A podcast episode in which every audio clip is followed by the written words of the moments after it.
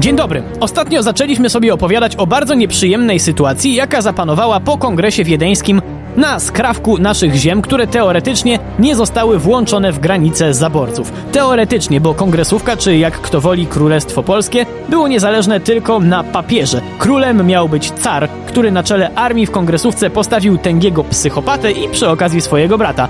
Nie ma się więc co dziwić, że w wojsku szybko zaczęto myśleć o buncie. Przy mikrofonie Wojtek Drewniak, pora na program w Drewniakach przez świat.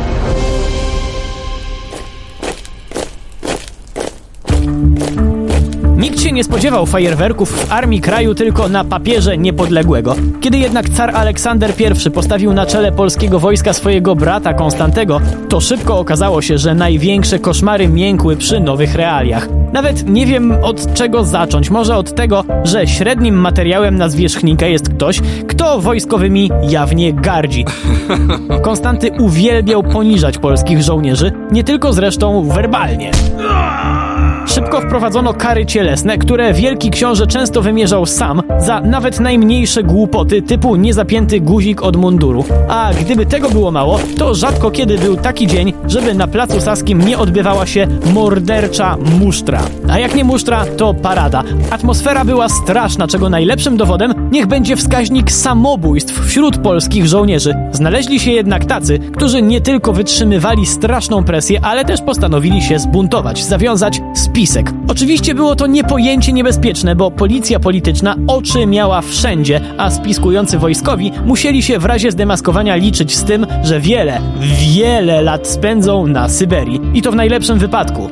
Mimo to znaleźli się tacy ludzie jak major Walerian Łukasiński, który stał się szefem pierwszego poważnego spisku w armii kongresówki. Tylko jak tutaj działać, jak policja czuwa? Był pewien sposób. Car bardzo szanował loże masońskie, ufał im w ciemno i to właśnie nasi postanowili wykorzystać. Grupa polskich spiskowców działała formalnie jako wolnomularstwo narodowe. Zaczęto rekrutować członków nie tylko z królestwa, ale też z Wielkopolski. Fajnie?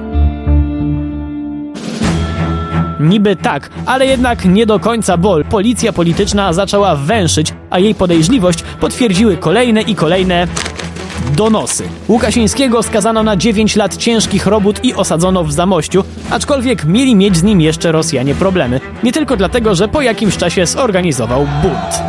Śledczy mieli z nim problem o wiele wcześniej, bo przesłuchiwany Łukasiński nie wydał kolegów, a ci członkowie Towarzystwa Patriotycznego, którzy nie zostali złapani, mogli działać dalej, a ich celem było oczywiście zjednoczenie Polski.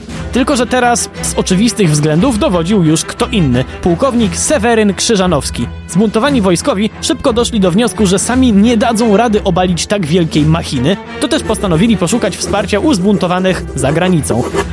Szybko okazało się, że na zachodzie raczej nie ma na co liczyć. Na szczęście na wschodzie car Aleksander I miał mnóstwo wrogów.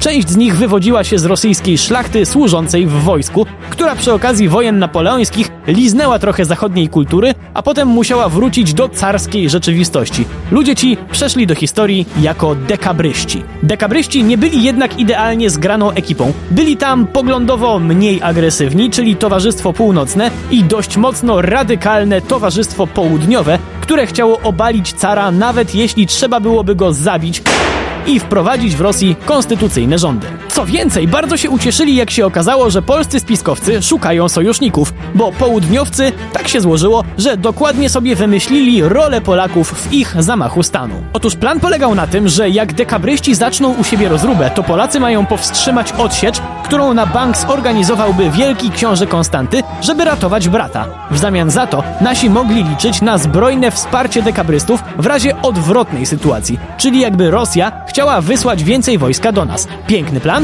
Może i tak, tylko że absolutnie z kosmosu. Nasi wojskowi doskonale wiedzieli, że nie mają takiej siły, żeby powstrzymać ewentualną odsiecz, a ich zbuntowani kumple ze wschodu też raczej trochę przeceniają swoje możliwości. Szybko okazało się, że nasi żołnierze mieli stuprocentową słuszność, co jednak nie oznacza, że za kontakty z dekabrystami nie spotkały Polaków straszne konsekwencje. To już jednak opowieść na nasze kolejne spotkanie. Przy mikrofonie był Wojtek Drewniak. Do usłyszenia.